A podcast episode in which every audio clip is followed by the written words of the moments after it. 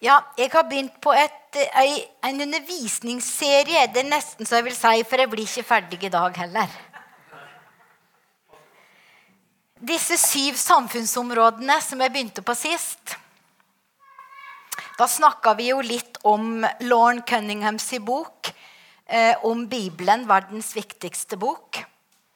Og vi snakka litt om Landa Cope sin eh, bok som heter The Old Testament Template, eller Manualen fra Gamle testamentet. Og vi kunne gått rett på disse syv samfunnsområdene og snakka om dem. Men hvis ikke vi endrer vår tenkning og vår bakgrunnsforståelse, så har vi ikke glede av det på samme måten. Så Derfor har jeg valgt i dag å fortsette litt i, nesten i foredragsstil fra boka til Lenda Cope. Er det greit? Så da er vi litt på undervisning og input fra en, eh, fra en som har studert Guds ord i 40 år. Og Lenda Cope hun er eh, dekanus, altså hva er det norske ordet for det? Eh, leder for et av områdene kommunikasjonsområdet på University of the Nations på Hawaii, på Kona, og vært med og bygd opp det. Og hun har skrevet ei bok, og det er ut fra den boka som jeg hadde litt sist. Og så fortsetter jeg med det i dag. Og hun stiller et spørsmål, eller hun presenterer det sånn som at vi har mistet vår kristne forstand. Så stiller jeg spørsmålet har vi mistet vår kristne forstand. Jesus han sa jo det, at det høyeste budet det var å elske Herren din Gud av hele ditt hjerte, av all din sjel og med all din forstand. Det skriver han i Matteus 22, eh, vers 37 og 38. Paulus han sier det slik i forhold til bønn. I 1. Korinterbrev 14, 14-15 så sa han om jeg ber i tunger, ja, da er det min ånd som ber. Men min forstand er uten frukt. Så hva skal jeg gjøre? Genialt. Jeg vil be i ånden, og jeg vil be med forstanden. Så Paulus sa yes, begge deler. Så før det verset der så sier Paulus be om å tyde det du får. For Paulus var opptatt av at vår forstand må følge med. Du vet, Vår ånd den er inni her, også vår kropp og sjel. Forstanden ligger i det området. Men oss ånden påvirker også vår forstand. Men nå skal jeg ikke gå inn på den eh, tankerekka. Vi snakker ofte om evangeliet til frelse. og det det høres greit ut på en måte, og, det er noe rett i det. Men Jesus han snakka konsekvent om evangeliet, om riket. Himlenes rike, Guds rike. Og du vet, når vi får barn, så tenker vi jo det at jo, den blir født. Men så er det helt logisk for oss at vi trener dem opp til å bli unge og voksne som kan ta vare på seg sjøl. For så å starte runden om igjen så får dem barn som dem skal trene opp og bli voksne. Og det er klart, for meg som mor, som fødte Bjørnar for 27 eh, år siden Å se han i dag som far, hvor godt han tar vare på sin sønn Klart det er en stor glede for meg som mor. Gud er vår far. Han har skapt oss. Det er stor glede i Han når vi tar vare på dem Han har gitt oss. Men i misjon så har det vært mye av evangeliet til frelse som har dominert. Da bedt folk til frelse, og så drar man videre for å be med nye folk til frelse. Og du vet, Det ville vi aldri gjort med barna våre. Vi ville ikke bare født dem og så dratt videre, og så født nye, og så dratt videre, og så født nye. Nei, vi, i, i, den tankerekka så skjønner vi logikken at det er klart vi må trene og lære opp barna til det med selvgående. Og Guds tanke er jo at vi, når vi blir født på nytt, så skal vi bli trent på nytt. Vi skal bli lært opp. At vår, vårt sinn blir fornya. Slik som vår ånd er ny, så må vi lære nye tankerekker, nye måter å tenke på. Og Det står det jo i Romerne 12,2. Bli fornyet. Altså forny ditt sinn og bli forvandla. Og sannhetene i evangeliet om Guds rike det er ment til å forvandle oss. Det er ment til at de skal lære oss hvordan vi skal leve på de ulike områdene i livet vårt. Slik at når vi, vi, blir født på nytt, og så blir livet vårt forvandla, så blir vi lys og salt i vår familie, våre nabolag, arbeidsplass, samfunn, nasjon. Slik at det blir bedre å leve for alle. Det blir ikke perfekt, det blir ikke himmel på jord. Men innflytelsen av det gode blir større, eller iallfall minst like stor, som innflytelsen av det onde. For vi har jo innflytelse av det onde og det gode i samfunnet vårt i dag. Historien viser mange slike eksempler, og det hørte vi om i forrige undervisning. Så den som ikke hørte forrige undervisning, gå på nettsida vår og plukk den ned. Det er mye bra stoff der. Forvandla liv har hatt stor fokus opp gjennom, og sann vekkelse har aldri stoppa med vekkelsen, men ført til reformasjon av samfunnet. Den første menigheten reformerte Israel. Den revolusjonerte hele det romerske riket og la grunnlaget for de vesteuropeiske nasjonene som vi har i dag, som skulle bli det mest framgangsrike i hele verden. Moderne misjon er annerledes frukt av. Afrika for eksempel, dårlig stilt på alle områder. Kriminalitet, sykdom, rettferdighet, familier. I Amerika er masse kristne, men det er synkende livskvalitet. Å bli frelst fornyer vår ånd, men ordet må fornye vårt sinn. Og I dag er det flere menigheter, flere kristne enn noensinne. Men reflekterer frukten av moderne evangelisering. Ditt rike komme, din vilje skje på jorden som i himmelen. Man gjør ikke det. Så hvorfor er det slik? Og Da sier Linda Cope det at en årsak det ligger i et verdensbilde som har utvikla seg over åra blant evangeliske troende, og det dominerer ei kristen tenkning. Og det har utvikla seg på den måten her, skriver Landa Cope i sin bok. Det var slik at en del av kirken tenkte at siden Gud tar seg av frelsen, så er det naturlig at vi som menighet tar oss av basisbehovet til mennesket. Gir kle, kle um, mat, beskyttelse, hus, helse og utdanning. Så en annen del av kirka som kom med masse motreaksjon og sa nei. Vi skal være opptatt av at uh, folk skal bli frelst. For det er bare vår sjel og evigheten som har verdi. De siste ble sett på som å ha åndelig fokus. Og den første gruppa ble sett på som å ha materielt eller fysisk fokus. De siste ble kalt evangeliske kristne, som var, opptatt, som var opptatt av himmelen og de evige verdier. Og den første ble kalt liberale kristne og var bare opptatt av det som var midlertidig og jordisk. De evangeliske forkynte det åndelige evangeliet om frelse og fokuserte på det hellige i livet. Liberale evangelister forkynte det sosiale evangeliet om frelse og var mer opptatt av sekulære problemstillinger i livet. Denne oppdelte tenkningen fikk mer fart av det økende fokuset på at Jesus kommer snart igjen, og resten går til helvete. Og Dette er jo en veldig forenkla måte å framstille kompliserte læremessige spørsmål på. Så, så det, ikke, er det, er ikke, full dekning av det. Men jeg tror vi gjenkjenner noe. Husker dere vi hadde naturlig meningsutvikling her? og gikk gjennom disse røde og blå og grønne. Hvor var den karismatiske kirken? Den var mest på det blå. Der den er opptatt av Guds kraft og det åndelige og ikke så opptatt av den grønne, som tar vare på jorda, tar vare på hverandre og, og, og bygger samfunnet. Så vi gjenkjenner det mønsteret litt. Det er ikke fremmed for oss. Men det førte til at vi fikk en sånn splitta syn på virkeligheten. Kristne blei i det store og det hele mest opptatt av de åndelige sidene ved troen, som frelse, bønn, åndelig krigføring, himmelen og helbredelse. Det ble utvikla en tanke om at vi har ikke mer tid enn at vi må få folk frelst Jesus kommer snart tilbake. Vi må få folk frelst. Det andre er ikke vi tida til.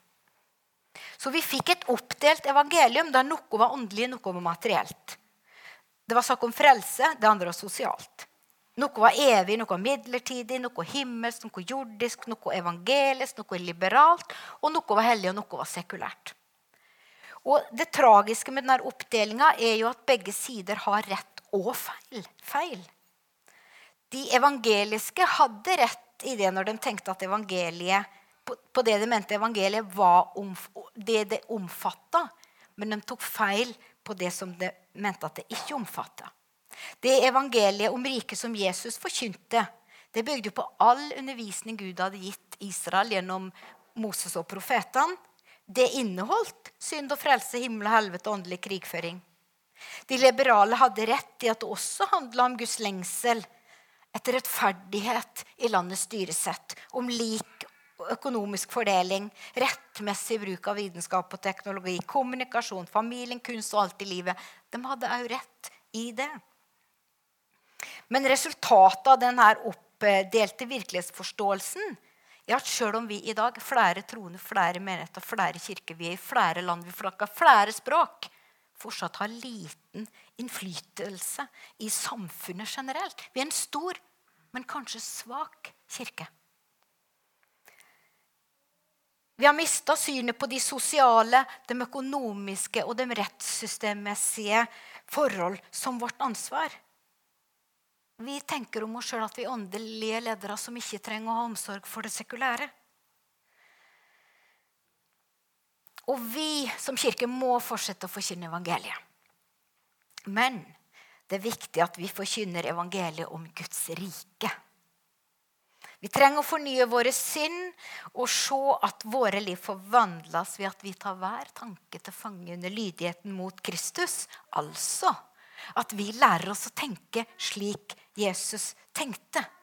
Da blir vi likedanna med hans bilde. Da blir vi uttrykk for hans herlighet. Altså vi står for det samme som han. Et menneskes herlighet eller en persons herlighet det er på en måte noe av det hele den personen står for. Har vi mista oppdraget av syne? I Lukas 14, 29-30 så, så sier Jesus i en lignelse For han har lagt grunn om en mann, for han har lagt grunnvollen uten å være i stand til å fullføre. Vil alle som ser det, begynne å spotte han? For har han lagt grunnvollen uten å være i stand til å fullføre, vil alle som ser det, begynne å spotte han. Den vil si, dette mennesket begynte å bygge, men han var ikke i stand til å fullføre. Og Jakob 1,4 så sier Jakob at Tålmodigheten må vise seg i moden gjerning, så dere selv kan være modne og helstøpte og ikke stå tilbake i noe. Et godt spørsmål å stille når vi får et oppdrag, det er hva er jobben som skal gjøres, og hvordan ser det ut når jeg er ferdig? For det er ikke lett å gjøre en god jobb hvis du ikke vet hva det går ut på, eller hvordan det skal se ut når du sa at du har levert. Og Jesus han ba ut i Johannes 17. Eh, da ba Jesus slik. Far, jeg har herliggjort deg med å fullføre det du har bedt meg om å gjøre. Gud sendte jo sin sønn inn i tida for en spesifikk oppgave med en spesifikk hensikt. Han visste hva oppgaven var, og han visste når den var ferdig. Og alt var ikke fullført når Jesus døde, men Jesus visste at han skulle ikke gjøre alt. Det var menigheten som skulle fortsette det arbeidet. Men Jesus han hadde jo fullført sin spesifikke oppgave som å være sønn og Messias. Hvor er vi, da? Jo, det er jo lett at når vi tenker på alt dette som skal gjøres, så, så blir vi overveldet og tenker vi skal jo gjøre alt. Men Jesus han tenkte tydeligvis ikke slik. Han tenkte dette er min jobb, dette skal jeg gjøre, og nå er jeg ferdig. Og her kan jo vi som menighet og enkeltpersoner lære noe. Vet jeg hva som er min jobb? Hva har Gud bedt meg å gjøre? En annen ting ved det Jesus ber, er jo, ber ut, er jo at han sa at far ble herliggjort når Jesus fullførte.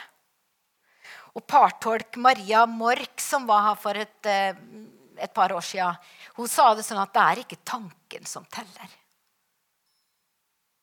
Det er handlingen.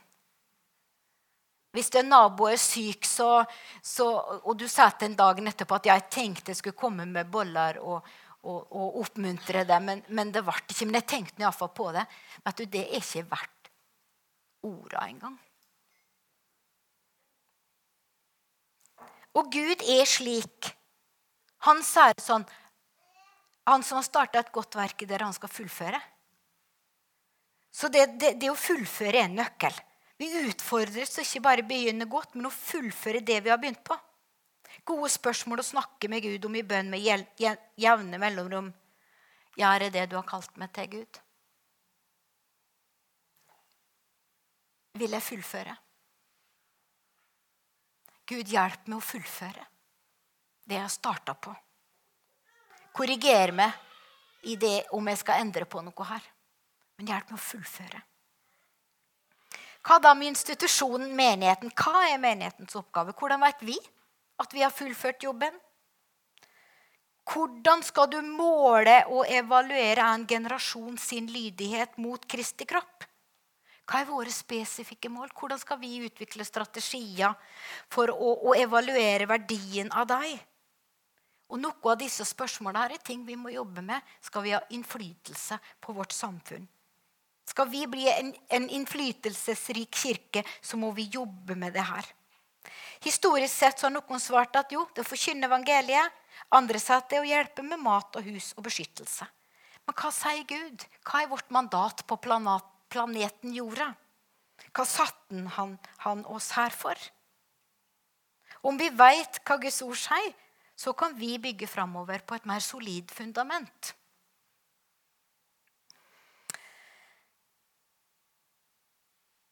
The golden thread of purpose er et uttrykk. Så det er vanskelig å finne et godt norsk ord på det. En god norsk eh, oversettelse. Men det er på en måte en vi vil kanskje si en rød tråd gjennom hele altså en rød tråd av hensikt gjennom hele historien. Men, men på det engelske så bruker de en gyllen tråd av hensikt. Jeg har ikke funnet noen god oversettelse på det, egentlig. Men det å nå ut og undervise er på en måte to slike spor som går, igjennom, som går igjen gjennom hele Bibelen. Og mot slutten av sitt liv på jorda så ga Jesus instrukser til eh, disiplene sine. Og vi skal lese dem. alle har hørt dem før. Men vet du ordet er levende. Ordet er levende. Så lytt til orda nå, og la Gud tale til deg.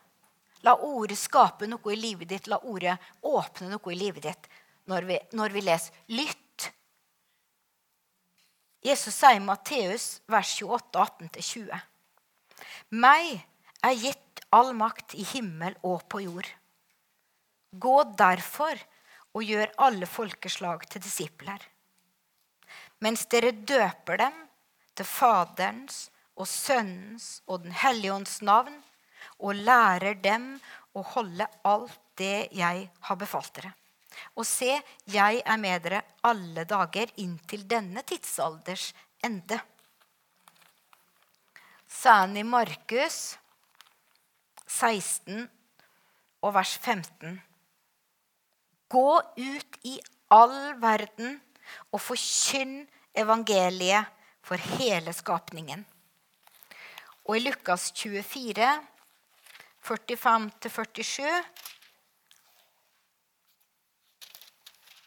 så sa han det sånn Omvendelse og syndenes tilgivelse skulle forkynnes i hans navn for alle folkeslag. Dere skal begynne i Jerusalem.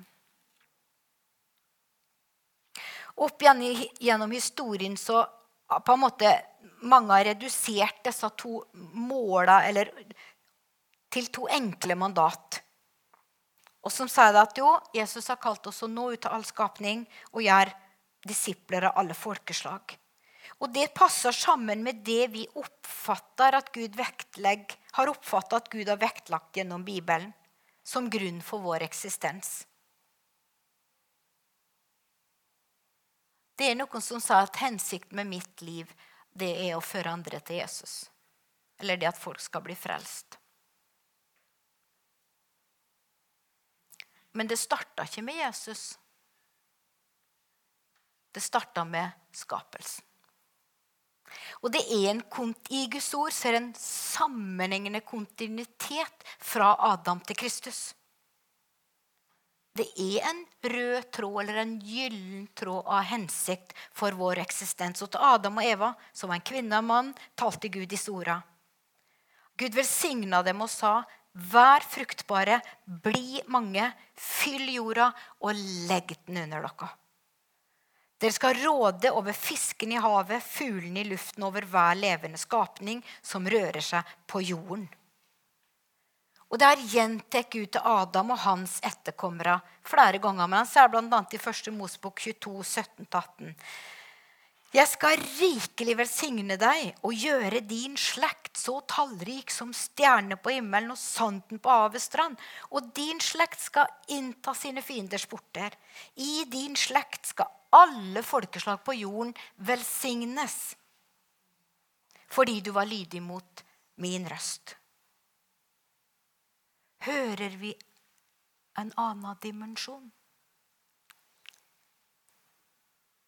Fokuset på å bli mange og å bli velsigna, altså bli mange kvantitet, bli velsigna kvalitet. Det har vært en del av Guds plan og hensikt for mennesker helt fra skapelsen. Vi er her for å fylle jorda og forvalte den til Guds ære. Vi er her for å være et bilde av Gud på jorda. Og det ble ikke endra eller trukket tilbake når mennesket falt og synden kom inn. Sjøl om synden måtte det gjøres noe med. Så vi kan se på menigheten eller folkets oppgave i to dimensjoner.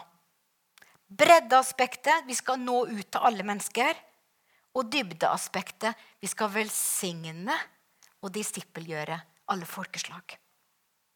Og til nå i, norsk, i, i misjonshistorie så har vi oppfatta breddeaspektet veldig godt. For Det er den kvantitative delen, og det er lett å måle og det er lett å presentere. Vi har så mye kompetanse og utstyr, så vi vet veldig godt hvor langt vi har kommet med å nå ut til alle folkeslag med evangeliet. På Paulus' tid så var det én menighet per 400 folkegrupper som trengte å bli nådd. I dag er det mer enn 400 menigheter per unådd folkegruppe. Det er flere folk på jorda i dag enn noensinne, men det er jo flere menigheter og flere kristne som jobber hardt for å nå de unådde enn noen gang før. Så den oppgaven går framover, og det skal vi takke Gud for. Og vi skal være stolt og glad over den overgivelsen som menighetene rundt om i verden har på det området i vår tid. Og det må, Arbeidet må fortsette, og det må intensiveres. Vår jobb er å fullføre og nå ut til all skapning om Gud skal bli herliggjort i vår generasjon. Men hva med å undervise? Hva med å velsigne? Hva med å gjøre disipler av alle folkeslag? Hva ligger det i det, og hvordan gjør vi det? Ja, gjør vi det? Det er på den kvalitative oppgaven gjør alle folkeslag til disipler. Samtidig som Jesus ga disiplene oppdrag om å nå ut til all skapning, så vektla han på nytt ved slutten av sitt liv den andre del av oppgaven. Gjør folkeslag til disipler. Guds hensikt for mennesket, Guds hensikt for Israel, Guds hensikt for nasjonen og for menigheten var aldri størrelse alene. Gud har alltid vært opptatt av livskvalitet. Hvis det å nå ut til individet er den kvantitative oppgaven, så er det å disippelgjøre folk og nasjoner det kvalitative arbeidet. Det å undervise og anvende sannheter og prinsipp til livsfremmende vekst og modenhet. Vi snakker om vokst i eget liv. Vi snakker om å utvikle oss som mennesker. Til økt livskvalitet. Så hva betyr det om å disippelgjøre en nasjon? Hvordan ser en disippelgjort nasjon ut? Det er jo vanskelige spørsmål. Det er vanskelig å måle kvalitet. Når er en person moden? Når er en handling fremragende? Vi snakker om excellence, eller fremragenhet. Når er den det? Når er en økonomi velutvikla? Hva som gjør et maleri vakkert? Og I menigheten så har vi ikke tenkt på det engang. For vi er så vant til å tenke på det kvantitative målet om å nå ut og få folk frelst. Så vi vet kanskje ikke helt hva det er å disippelgjøre en nasjon, men vi vet noe om hva det ikke er. Og jeg vil si at Norge har mye eh, element av å være en disippelgjort nasjon pga. Hans Nilsen Hauge. I vårt samfunn i dag så syns vi ikke det er naturlig å ta en sykkel som står utafor butikken, sjøl om den ikke er låst. Vi er vant til å tenke at eiendomsretten Ja, men jeg tar jo det som er mitt, og det som står her Hvis det ikke er mitt, så tar jeg det ikke. Så vi har mye vi i, i, vår, i, vår, i, vårt samfunn og i vår struktur som er, som er av Guds prinsipp. Og det skal vi takke Gud for. Og det skal vi fortsette å kjempe for. Verdiene. Men når vi ser på Dallas, Texas, som jeg gikk gjennom i forrige, forrige foredrag eller forrige undervisning Se på Malawi, Rwanda eller de andre kristne nasjonene og spør Er det slik det skal se ut når en nasjon er disippelgjort? Er det slik det ser ut når Guds vilje er gjort på jorda, slik som i himmelen? Nei, helt klart ikke. Om vi skal herliggjøre Far i vår generasjon, så må vi vite hva vår oppgave er, og gjøre. Vi når ut til de unådde, men de individ som blir nådd, de samfunn og nasjoner, lever under uakseptable forhold. Og Dr. George Kinoti i Kenya han sa det at det nedbrutte afrikanske folk er en vanære for sin skaper. Og det er en kristen moralsk plikt å gjøre noe med det for å endre den situasjonen. Vi må disippelgjøre individ og gjennom dem disippelgjøre samfunn og nasjoner. Om vi ikke gjør det, så oppfyller ikke vi hensikten med at vi blir skapt og gitt evig liv. Og mer enn det, om ikke vi disippelgjør nasjoner, så blir ikke Gud herliggjort gjennom vår generasjon. Han blir herliggjort ved at vi fullfører det oppdraget vi blir gitt fra Jesus og gjøre. Frelse sjeler og plante menigheter. Ja, det er en god start. Da har det vært en fødsel. Men kvalitetene på menigheten og den innflytelse de troende har på sitt samfunn, det er lakmuskvaliteten på kvaliteten av det arbeidet vi har gjort. Samfunnsforsker George Barna sier at i dag i USA så er det ingen tydelig forskjell på den som er troende, den som sier seg å være troende, og den som sier seg å ikke være troende. Det er ikke, noe, det er ikke råd å se noe tydelig forskjell. Muslimske evangelister i Afrika sier hva kan kristendommen tilby? Og så svarer de lakonisk ingenting. Kirkene blir større, og flere blir frelst, men ingenting endres. Folk er fortsatt fattige, syke, uten utdanning og etterlatt i politisk og økonomisk kaos. Så vi trenger på en måte å ta det innover oss og sørge og gråte litt over menighetens eh, situasjon, slik som Nehemia gjorde i Jerusalem. Vi trenger å faste og be fordi Kristi kropp og våre samfunn over hele kloden er i store vansker, og vi er i vanære. Vi trenger å reise oss ta på oss Kristi sinn og bli alt det han hadde tenkt vi skulle gjøre. Ja, så hvordan gjør vi det? Vi skal se på en historie, og vi skal lese fra 5. Mosebok, eh, kapittel 30, vers 11-14. For dette budet som jeg befaler deg i dag, det er ikke ufattelig for deg, og det er ikke langt borte. Det er ikke oppe i himmelen, Så du skulle si, 'Hvem skulle fare opp til himmelen for oss å hente det ned til oss, så vi kan høre det og gjøre etter det?' Det er heller ikke på den andre siden av havet, så du skal si, 'Hvem skal fare over havet for oss å hente det til oss, så vi kan høre det og gjøre etter det?' Nei, ordet er deg helt nær. I din munn og i ditt hjerte, så du kan gjøre etter det. Så Landa, skri, Landa Cope skriver i sin bok at over ett år jobba hun med det her spørsmålet. Hvordan gjør vi det? Hvordan gjør vi det? Hvordan gjør vi det? Og Så skulle hun besøke misjonsbaser i USA i en periode på sju måneder. Og hun bestemte seg for å kjøre bil i stedet for å fly. Og Da fikk hun en tanke, og det var at hun skulle høre gjennom Bibelen på den kjøreturen. På lydbok. Og hørte gjennom femte Mosebok da polletten ramla ned. Hun forsto.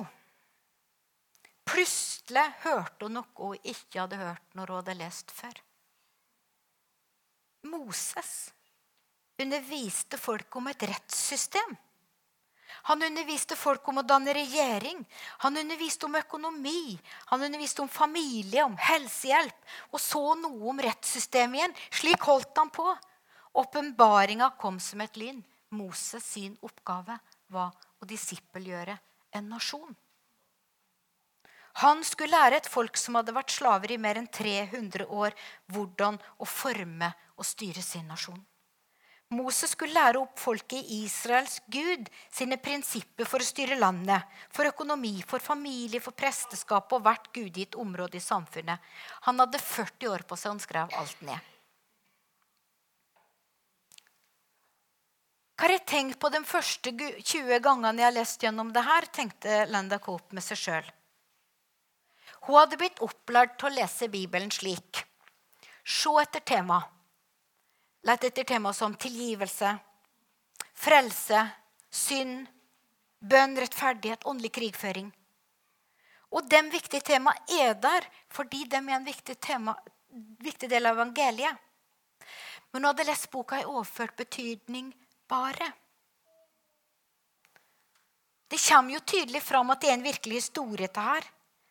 Det er hendelser som faktisk har funnet sted i ei bestemt tid og på bestemte steder. Men hun hadde lest dem i overført betydning, f.eks. Israel som slaver. Så hadde hun lest et budskap om et liv i synd og et liv uten Jesus ånds frelse.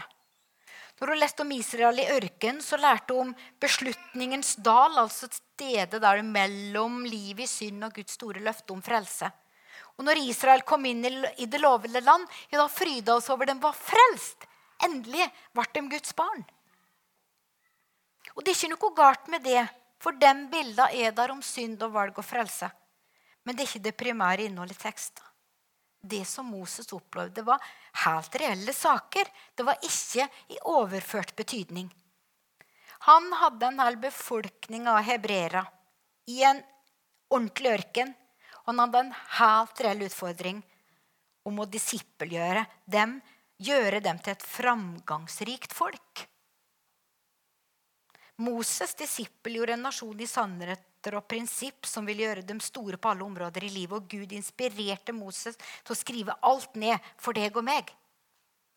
Og Lenda konkluderer med å si at jeg kommer aldri til å lese Bibelen på samme måte mer. Altså Hele hennes sinn og tanke var snudd opp ned. Og for en jobb Moses sto utenfor, overfor. Vi tenker at vi har mange utfordringer i nasjoner i dag, men tenk på Moses sin situasjon. Når Jakob kom til Egypt med sin familie, så var det 70 mann. Eller personer. Etter hvert så ble de så mange i Egypt at de trua balansen. Og det regnes med at rundt tre millioner, inklusive slaver som ville bli med dem, forlot Egypt. De hadde ikke noe å gå til, ingen hjem, ingen skoler, ingen forretninger, ingen institusjoner. Når de la ut på reisen, så var det basert på et løfte. Vi har ingen tilsvarende flyktningstrømmer vi kan sammenligne det med i dag, på tre millioner. Kan du se det for deg? De, det beregna at de trengte ca. 1500 tonn med mat hver dag. ca. 4000 tonn med ved og 15 000 liter vann til eh, drikke og rengjøring. De var fattige.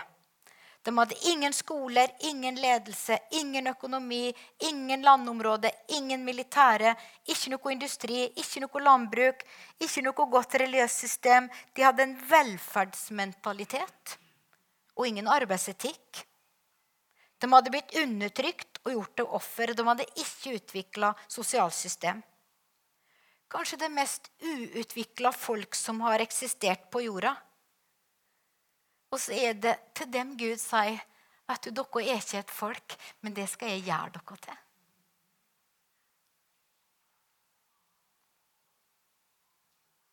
De forlot jo ja, Han, han lova å gjøre dem til et stort folk som andre skulle beundre og bli velsigna av. Og de hadde akkurat forlatt Egypt, som var en av de mest siviliserte største sivilasjonene i historien under glansdagene til farao. Og her var de midt i ørkenen. Og så får de et slikt løfte. Kan du forestille deg vantroa, kynismen og forvirringa som de følte på? Men iallfall I løpet av 300 år så gjorde Gud det. Den blir en av de store nasjonene på jorda, om ikke den største. De hadde et slikt rykte at hele den daværende verden snakka om Israel. Dronningen av Saba tok selv turen for å sjekke ut sannhetsgehalten i det som var sagt. Og vi skal lese hva hun sier i første kongebok 10.10. Nei, 10.1-10. Da dronningen av Saba hørte gjetord om Salomo, som skyldtes Herrens navn, kom hun for å sette ham på prøve med vanskelige spørsmål. Hun kom til Jerusalem med et meget stort følge. Med kameler som bar krydder, store mengder gull og edelsteiner. Da hun kom til Salomo, talte hun med ham om alt som lå henne på hjertet. Så svarte Salomo på alle spørsmålene hennes. Det var ingenting som var så vanskelig for kongen at han ikke kunne forklare det for henne. Da dronningen av Saba hadde sett all Salomos visdom, huset han hadde bygd, maten på hans bord, hvordan tjenerne satt, og hvordan de gikk kledd, og hvordan de vartet opp, munnskjenkene hans og den oppgangen han brukte når han gikk opp til Herrens hus og mista pusten. Da sa hun til kongen, så var det sant, det ordet jeg hørte i mitt eget land om dine ordspråk og din visdom. Men jeg trodde ikke på disse ordene før jeg kom og fikk se det med mine egne øyne. Og sannelig, ikke engang halvparten var blitt meg fortalt. Visdommen og rikdommen din overgår gjetordene jeg har hørt. Lykkelige er dine menn. Og lykkelige er disse tjenerne dine, som alltid får stå hos deg og høre din visdom. Lovet være Herren din Gud, som hadde velbehag i deg og satte deg på Israels trone. Fordi Herren elsker Israel til evig tid. Derfor gjorde han deg til konge for å håndheve rett og rettferdighet. Så ga hun kongen 120 talenter gull, en stor mengde krydder og edelsteiner. Aldri mer kom det inn en slik overflod av krydder som den dronningen av Saba ga til kong Salomo. Hørte du det om visdom? Mye visdom hos Salomo. Men hørte du alt det andre? Hørte du om klesdrakten til folka? Hørte du om maten han hadde? Hørte du om huset han hadde? Hørte du om det rettferdige styresettet han hadde? Hørte du om livskvaliteten hos dem som jobba hos han? Ære til Gud. Dronningen av Saba æret Gud og sa Gud ga et løfte, og han oppfylte det. Og Gud sa han ville bygge en stor nasjon, og det gjorde han på alle områder. De hadde rettferdige lover. De hadde en framgangsrik økonomi. Arkitektur og håndverk det var glitrende. De hadde en overlegen utdanning og visdom. Og en av deres konge Salomo var en stor vitenskapsmann. Den ble til og med beundra av sine tidligere slavedrivere, egypterne. Det var ikke et perfekt rike. Det har Gud aldri lovt. Men de var et stort rike i dobbel forstand. De hadde en storhet over seg. Og Israels historie er ikke skrevet kun for at vi skal forstå frelsen bedre. Det er en sann historie. Det skjedde med et folk i sin tid og på sitt sted. Det var ekte folk. Det var en ordentlig nasjon. Poenget for oss er Gud gjorde det, og det kan han gjøre igjen. Guds sannheter, om dem blir anvendt, så kan dem, og det gjør dem, men det kan forvandle samfunn og nasjoner. Hvis Gud kunne forvandle Israel fra det utgangspunktet de var i, da kan han gjøre dem ethvert folk. Gud har bedt oss om å nå ut til alle skapninger og lære oss hvordan vi kan gjøre det. Han ga oss og lærte oss hvordan vi kan gjøre det. Han ga oss Jesus som forbilde. Og Paulus og Den nytestamentlige kirke gir oss retningslinjene for å nå ut den globale visjonen om å nå ut til alle stammer, tunger og folk. For det vet vi. Foran Guds trone en dag så skal det være noen fra alle stammer, tunger og folk. Men Gud har også sagt at vi skal være disipler av alle folkeslag. Hvordan gjør vi det? Og det Lenda Cope sier da, slik som nøklene til evangelisering finnes i historien om Jesus og Paulus, slik er nøklene til jobben med å forvandle nasjoner. Den finner vi fra Moses og i Det gamle testamentet. Israel, deres reise fra slaveri til storhet, det er vår manual på hvordan disippelgjøre en nasjon. Så gjenstår det da Vil vi lære oss det? Vil vi ta tida til å studere ordet 'hatet vårt sinnet gjenoppretta'? Til vi forstår Guds prinsipp for samfunns- og nasjonsbygging på hvert område av livet? Vil vi ta det arbeidet med å bli reformert i vår generasjon? Slik at Gud igjen kan bli æra gjennom den visdom og innflytelse hans folk har. Vi må ta et valg. Vi må velge det. Men tar du valget, så blir det med oss, sånn som det står i Nehemjas bok. For der fant de nemlig fram igjen ordet. De ba Esra den skriftlærde om å komme med, med boken med Moses' lov. Den Herren hadde befalt Israel. Og, vi, og Da blir den opplest, og så kan vi lese resultatet etter at de hadde lest boka. Da står det Hele folket gikk bort for å spise og drikke, for å sende matretter og for å holde en stor gledesfest. For de forsto de ordene som var blitt gjort kjent for dem.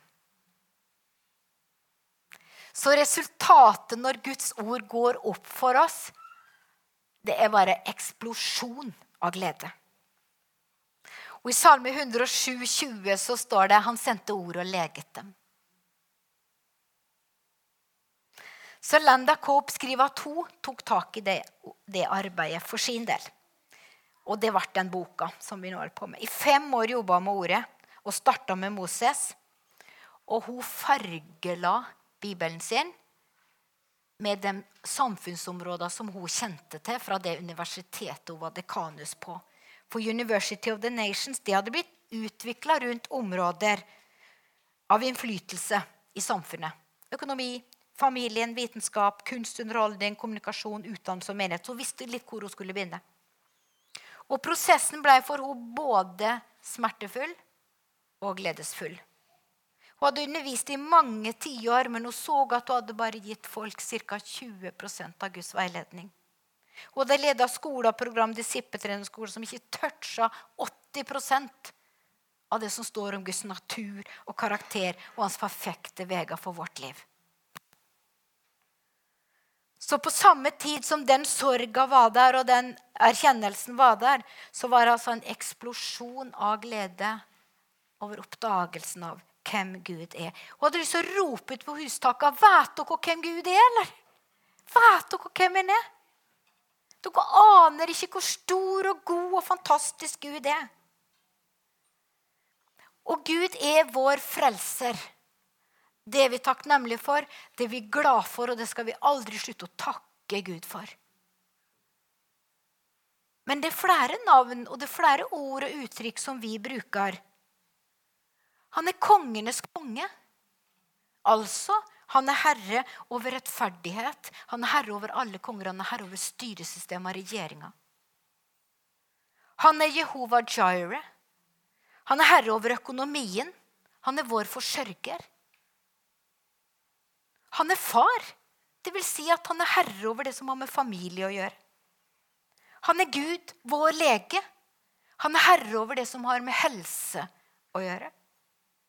Han er Gud, vår skaper. Altså Han er herre over det som har innen vitenskap og teknologi.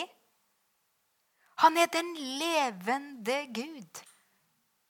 Altså han er herre over det som har med kommunikasjon å gjøre. Han er pottemakeren. Han er herre over det som har med kunst og skjønnhet å gjøre. Han er lærer og mester. Altså Han er herre over det som har med utdanning. Og når jeg sier at han er herre over det, så er det ikke det han er på jorda i dag. Men han er herre over det. Hvem har peiling?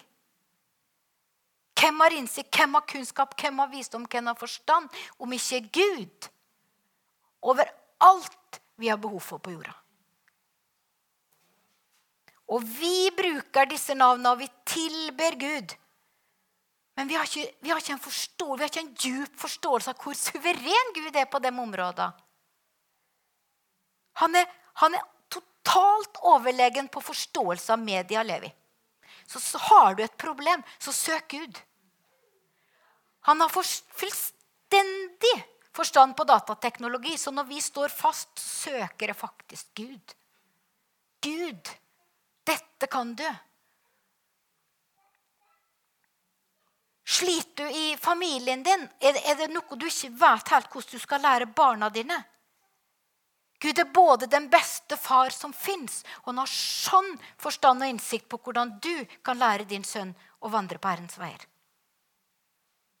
Gud har tanker for alle områder på livet. Han har løsninger for alle områder. Han har visdom og han har forstand. Ja, alt. Vi vil forkynne evangeliet om Guds rike og tilbe Gud over alle ting. Gud over alle ting. Gud over alle ting. Alle samfunnsområder. Alt er hans. Alt har Gud skapt. Alt det Gud har skapt, det er godt. La oss søke innsikt og forstand i hvem Gud er.